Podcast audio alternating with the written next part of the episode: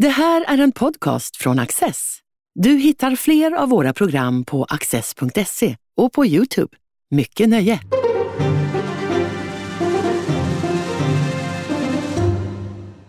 Välkomna till Studio Access och eh, särskilt varmt välkommen till eh, Fredrik Kärrholm som är vår gäst idag.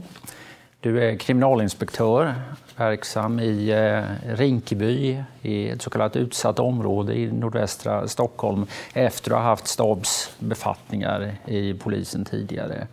Du är också aktuell med boken Gangstervåld. Tack så jättemycket för att jag fick komma hit. Ja, du är varmt välkommen. Eh, och du har verkligen eh, valt ditt ämne med god timing. Eh, när vi talas vid här eh, så är det eh, några timmar sedan partiledardebatten i riksdagen eh, startade. Och när jag läser en kommentar i Svenska Dagbladet från deras politiska reporter så konstaterar han att frågan om brott och straff skrämde nästan bort hela coronakrisen ur debatten. Och det är snudd på sensationellt att frågan tar så stor plats i den politiska debatten när Sverige just har upplevt ett historiskt BNP-ras och arbetslöshetslyft och tusentals människor har dött i covid-19. Återstartsbudgeten var det nästan ingen som brydde sig om för den här frågan om brott eh, och brottslighet stod helt och hållet i centrum. Vad är huvudförklaringen till att Sverige har fått det här problemet med gäng och skjutningar? Um, ja, jag tror att um, man, när, när, när det handlar om uppmärksamheten kring brottsligheten och, och covid-19 så då skulle man också kunna säga att det är tvärtom, att eh, fokus på covid-19 nu de senaste månaderna har gjort att det har inte varit något fokus på den våldsepidemi som har drabbat Sverige. Och jag tror att det som gör människor oroliga är att vi vet att eh, den här eh, epidemin, covid-19, hur tragisk den än är, den, den, den, har ett slut. Den kommer gå över. Det kommer lösa sig. Vi vet också att ekonomin går i eh, cykler, så att ekonomin kommer hämta sig. Och det är naturligtvis tragiskt med stor arbetslöshet. Men jag tror det som oroar eh, många med mig är att brottssituationen det är inte lika självklart att den kommer vända till det bättre. Eh, det kan bli mycket värre och eh, under lång, lång tid. Mm. Men det är illa. Och vad är huvudförklaringen till att det har blivit så illa? Det beror på. Det är svårt att tala om brottsligheten eh, generellt. Det är lite som att tala om sjukdom generellt. Man, man, får definiera lite vad är det för problem vi talar om. Och det jag talar om här det är det jag kallar för gangstervåld. Ehm, där har vi skottlossningar och bombattentat som är kanske det mest uppmärksammade. Men det är bara den yttersta formen av det här gangstervåldet som också består av eh, grov utpressning, brutala rån, människorov, övergrepp i rättssak. Det handlar om målsäganden som inte vågar anmäla, brottsoffer som inte vågar anmäla, vittnen som skräms till tystnad och poliser som utsätts för eh, hämndattacker.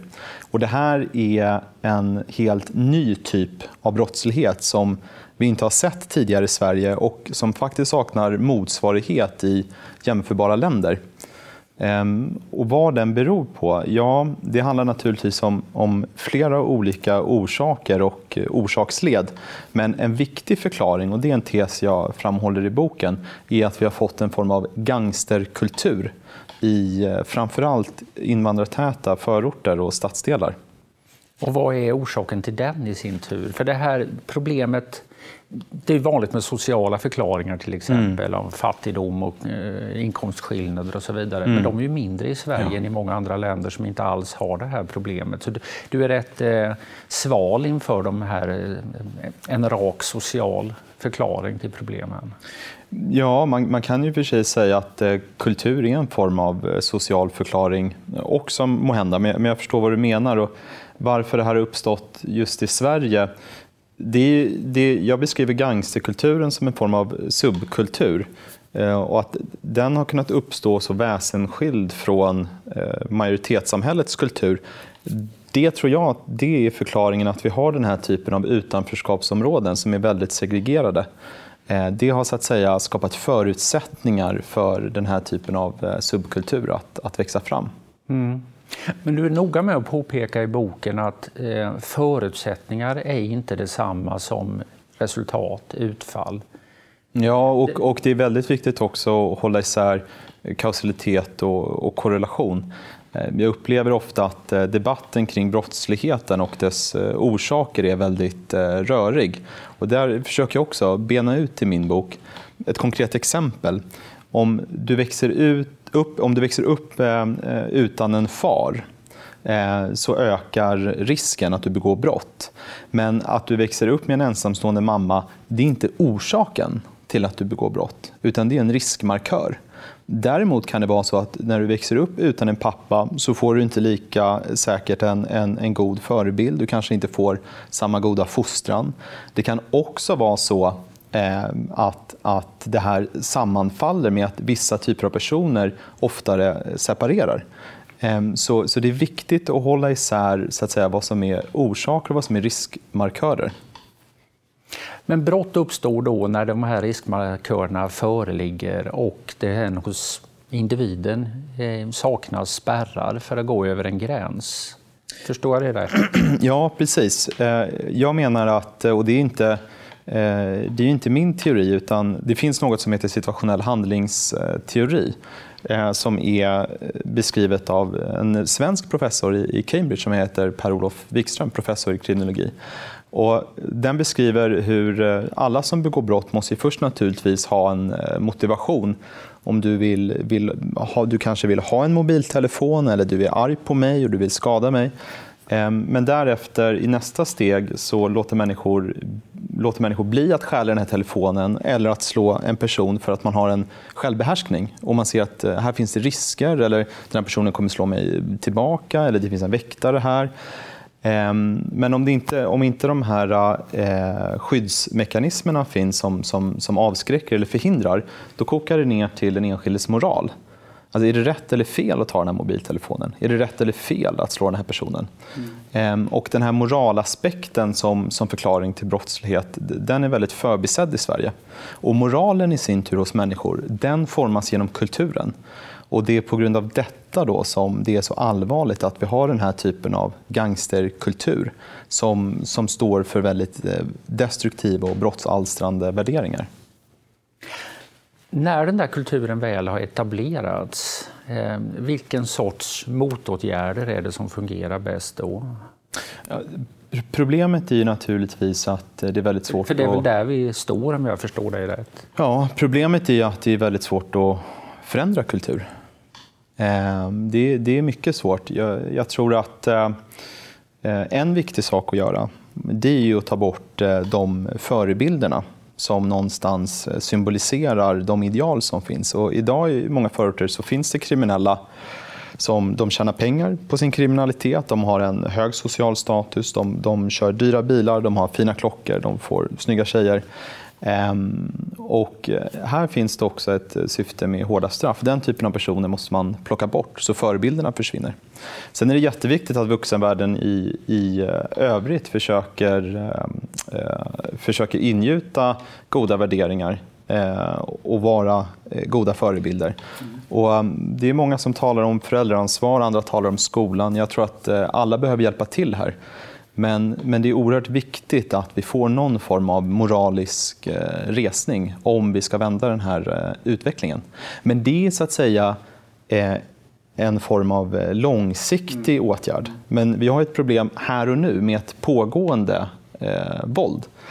Och för att stävja det, eller sätta stopp för det, så behöver vi omedelbart skärpa straffen. Mm. Det, det, är ju en vanlig, ofta hörd eh, replik i sådana här sammanhang att straff inte hjälper och man blir inte bättre av att bli straffad. Men eh, du är rätt bestämd i boken på att eh, jo, jo det straff fungerar. Kan du utveckla det? Ja, kriminologer har ju under lång tid i Sverige sagt att straff fungerar inte. Det man då ofta har åsyftat är att individer som döms till fängelse blir inte bättre människor av det. Och det är helt korrekt. Det är också så att att, att höja straff det får en marginellt mer avskräckande eh, effekt. Men fördelen med straff, och det som gör att straff fungerar, det är att det är den som sitter inlåst kan inte begå brott. Ehm, vi kan ta ett konkret exempel. Vi har hittills i år eh, Polisen har påträffat unga män på stan med, med vapen och hittills år har man häktat 200 personer på grund av grovt eh, vapenbrott. Det genomsnittliga straffet för det idag är två år och en månad. Och eftersom man släpps efter två tredjedelar kommer man ut efter 17 månader. Och när de här individerna som är inblandade i grov brottslighet har vapen, döms, sitter inne i 17 månader och kommer ut, så fortsätter de med sin brottslighet. Eh, och många kan naturligtvis bli mer förhärdade och ännu värre av det här fängelsestraffet. Det som behövs när man påträffar personer i 18, 19, 20, 21 års åldern för, och, och, man kan döma dem för grovt vapenbrott, då måste man inkapacitera dem under lång tid. Och här talar vi kanske om 7-8 år för att nettoeffekten av den här inkapaciteringen ska bli positiv. Under tiden de sitter i fängelse kan de inte begå brott och när de kommer ut igen, och det här är också den stora fördelen med långa straff, när de kommer ut igen så har de åldrats och med stigande ålder så minskar benägenheten att begå brott.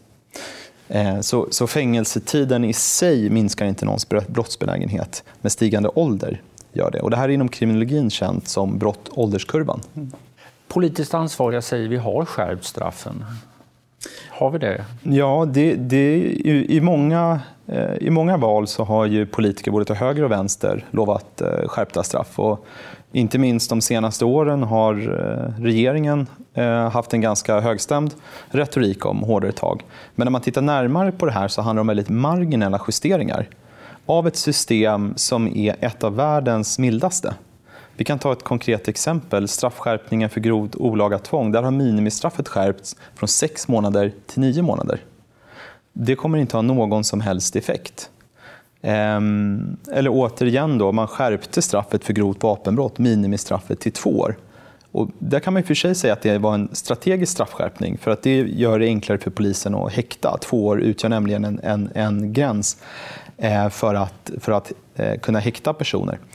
Men det som behövs det är inte att du får två års fängelse för grovt vapenbrott utan snarare sju, åtta år. Då kommer vi få en effekt. Och där befinner vi oss fortfarande långt ifrån. Så det jag efterlyser det är en genomgripande straffrättsreform som kraftigt höjer straffen. Men jag tycker också det är viktigt att hålla fast vid klassiska rättsprinciper och att vi eh, helgar proportionalitetsprincipen. Så de här straffskärpningarna måste ju spegla brottets allvar. Och det är en annan brist med vår nuvarande straffrätt. Eh, de flesta människor, och det här är ett stort problem, de flesta människor tycker inte att de nuvarande straffen är rättvisa. Man tycker generellt sett, det händer gång på gång när, när fall uppmärksammas i tidningen, så tycker människor att, att straffen är alldeles för låga. Eh, vilket är ytterligare ett skäl att vi behöver de här straffskärpningarna. Ett stort ämne i, de här, i den här frågan det är ju just unga förövare. Att, eh, och nu ska regeringen skärpa eh, Vi kan börja där. Det kom för, annonseras nu en straffskärpning för 18 till 21-åringar. Eh, hur, viktigt är det? hur viktigt är det? Hur tillräckligt är det? Precis, det, det man gör då är att man tar bort den så kallade ungdomsrabatten för grövre brott. Ehm, jag menar att man måste ta bort eh, ungdomsrabatten överhuvudtaget och framförallt för de grövre brotten så måste straffen bli mycket hårdare eh, oavsett ålder.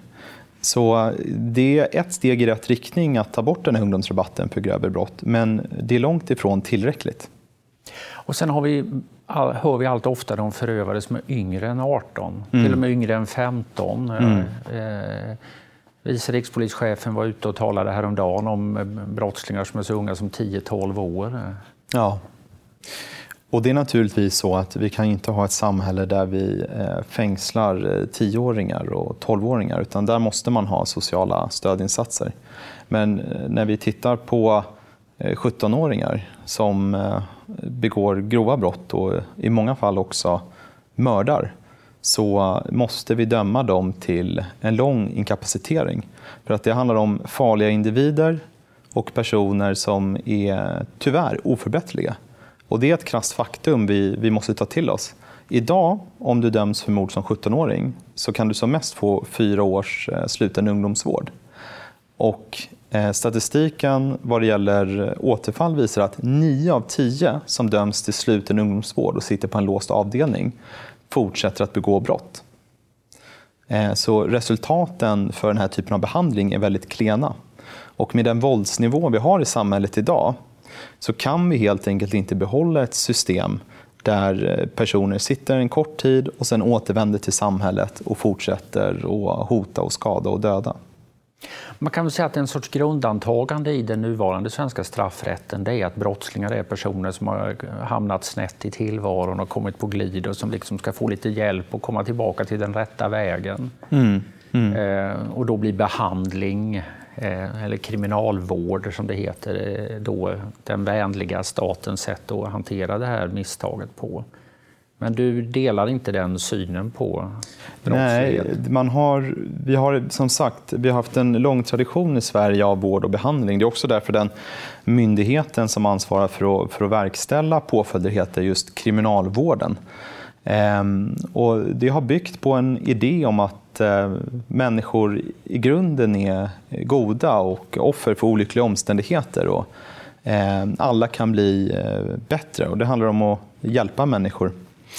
Eh, och det här har fungerat väldigt dåligt. Man har försökt utveckla den här typen av behandlingsformer under många decennier, snart hundra år. Resultaten är fortfarande väldigt klena.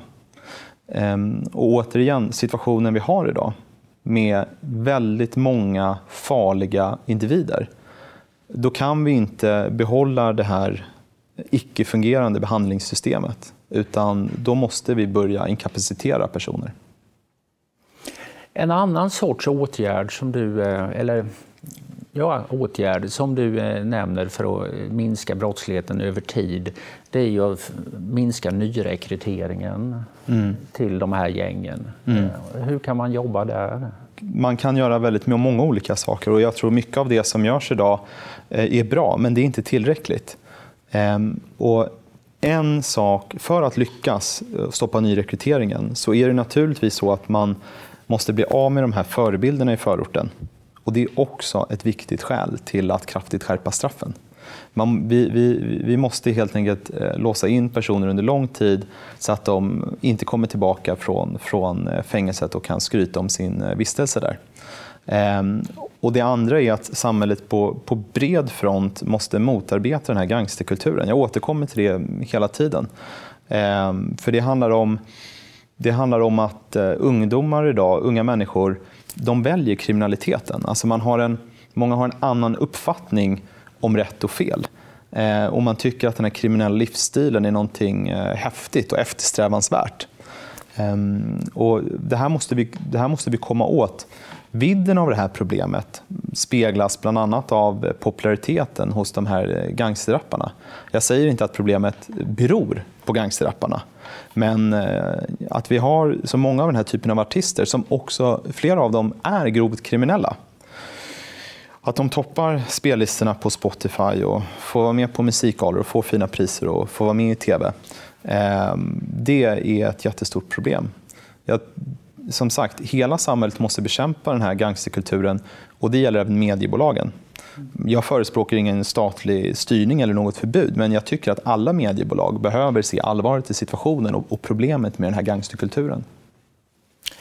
Man pratar ju lite, eller ofta om, i allmänna ordalag om lag och ordning. Mm. Och det är klart, det blir väldigt mycket fokus på lag. Men du är inne lite grann på det här som man skulle kunna kalla ordningspolitik. Eh, mm. också med, eller, eller hur upprätthåller man en ordning? Hur ser man till att det är ja, trevligt och tryggt i, i samhället? Eh, eh, kan du gå in lite på detta? Du, du har ett uttryck om antisocialt dominansbeteende. Vad, ja. vad menar du med det och vilken Precis. betydelse har det? Precis. Så, idén här den, den återfinns i ett gammalt svenskt ordspråk som, som lyder det, det, det börjar med en knappnål och slutar med en eh, silverskål. Det vill säga det är ingen som ägnar sig åt grov brottslighet som har klivit rakt in i det. Utan eh, man börjar helt enkelt med små saker och man befinner sig i en omgivning där små, eh, små regelöverträdelser är okej okay, och så, så tar man ytterligare steg och så vidare. Och därför är det oerhört viktigt med nolltolerans. Ehm, och det här är också känt inom kriminologin som broken window theory. Ehm, men det är också så att ehm, eh, vi har ett problem i Sverige att många som uppträder olämpligt och, och bryter mot normer och skapar oreda, det finns inga maktinstrument för att eh, hindra det. Det vill säga ungdomar som uppför sig illa på ett eh, bibliotek eller på en buss. Då har bibliotekarien eller busschauffören eh, väldigt svårt att hantera den typen av situationer. Ehm, och även om man då i det läget skulle eh, tillkalla polis så är det, är det ofta så att personer som ägnar sig åt sånt antisocialt beteende befinner sig i gränslandet mellan vad som är olämpligt och, och olagligt. Um, och det, här, det här skapar ett uh, utrymme för, för normbrytande som är ett uh, första steg till att begå uh, brott och sen begå allvarligare brott.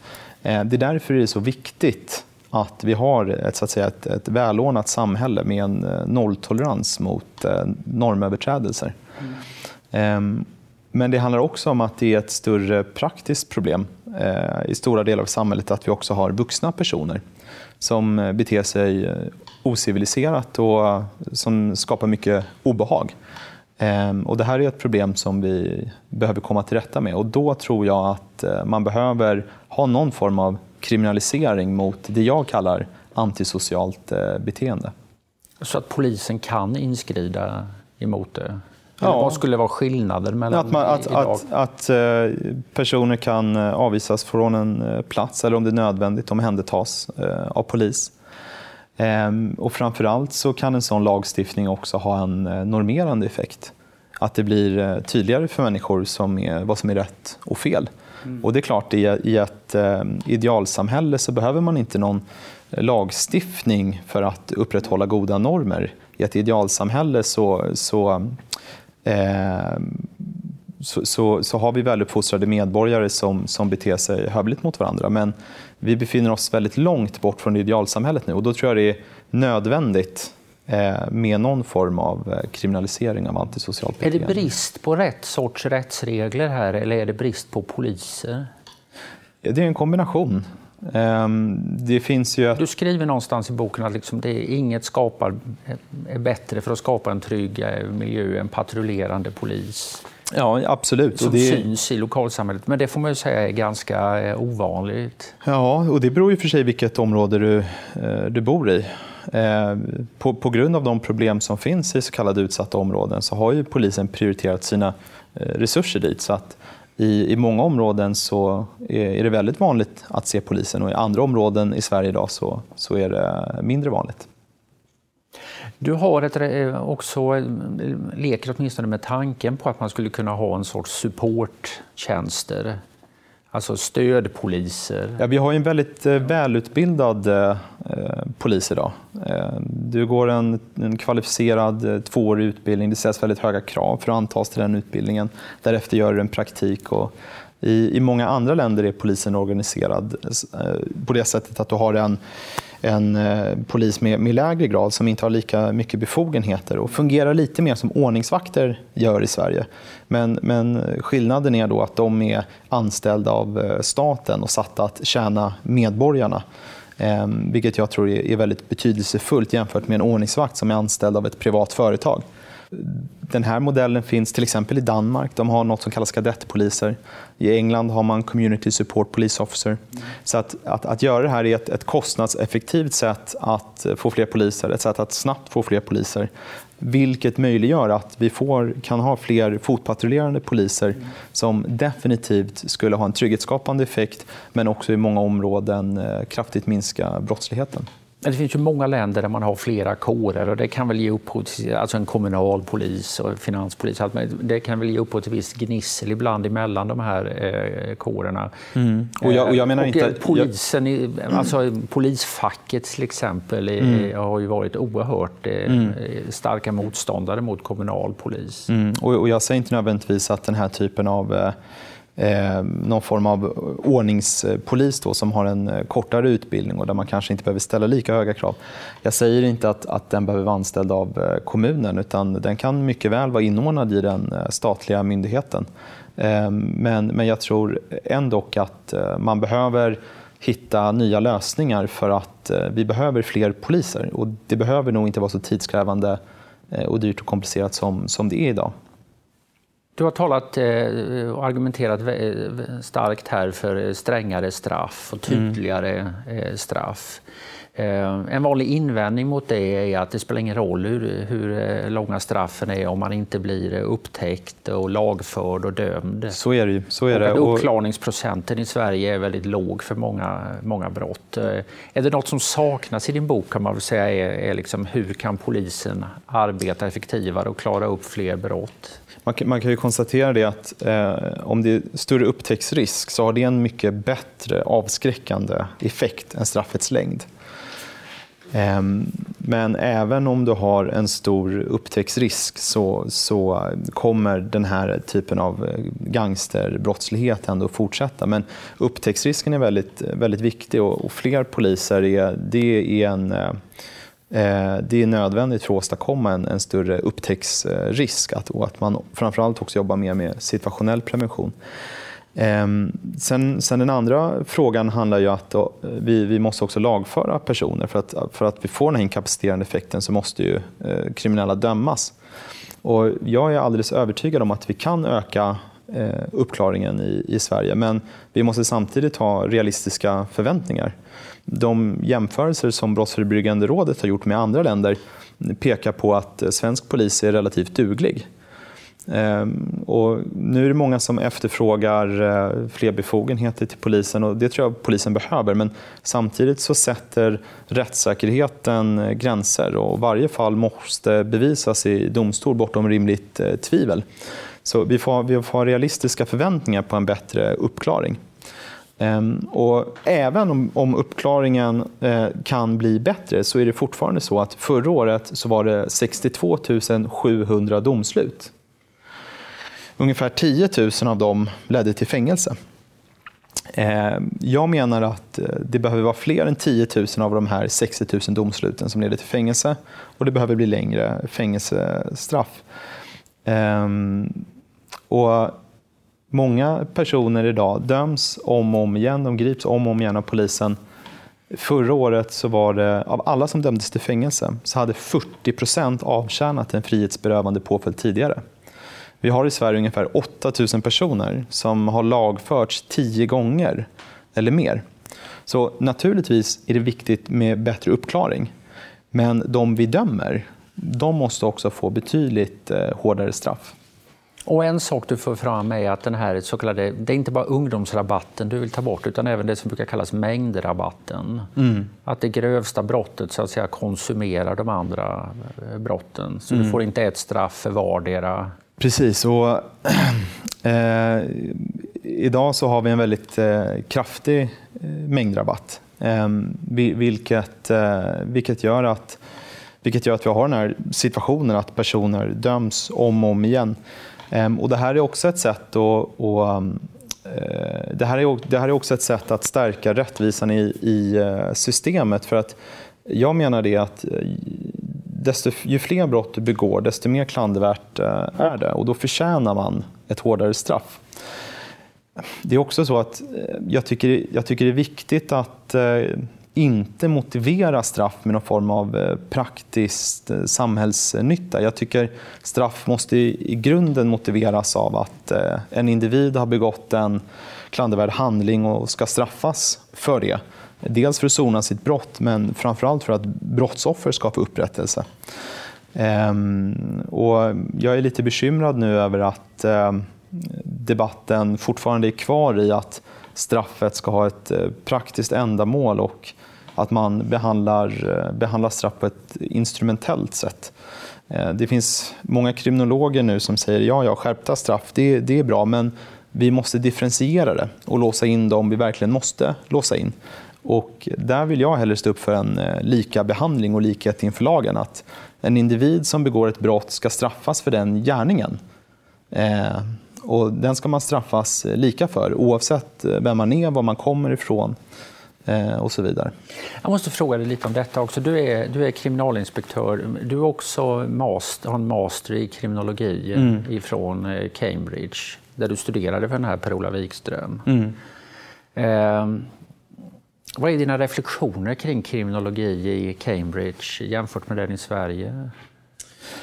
Ja, man kan väl säga det att den, den svenska kriminologin har först och främst ett eh, väldigt eh, sociologiskt eh, perspektiv.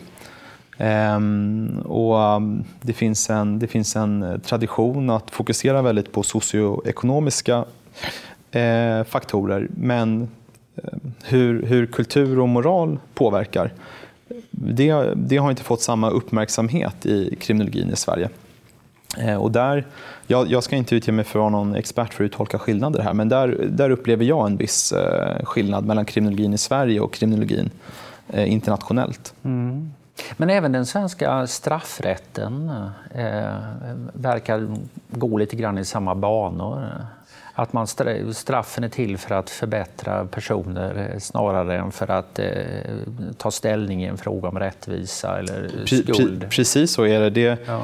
Eh, brottsofferperspektivet har eh, under lång tid i Sverige varit helt förbisett. Och att tala om, om straff i termer av att man ska skipa rättvisa, att det handlar om eh, vedergällning, då börjar många lätt eh, skruva på sig för att man är i Sverige så eh, ovan vid, eh, vid, vid, den typen av eh, resonemang.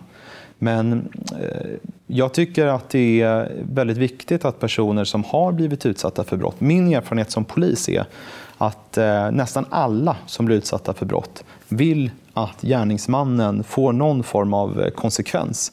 Alltså det, det, det, det, är naturligt att ha det här eh, behovet av upprättelse.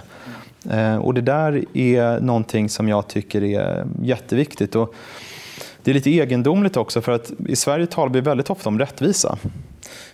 Men vi talar sällan om rättvisa när det kommer till, till brott och straff. Bara en sån sak som att Eh, personer som, som då utsätts för brott en, bara några år senare tvingas eh, möta gärningsmannen på gatan som en, som en fri man. Och många i mindre städer känner sig tvingade att, att flytta därifrån helt enkelt. Ehm, och det tycker jag, är, jag tycker att det är olyckligt att det är på det viset.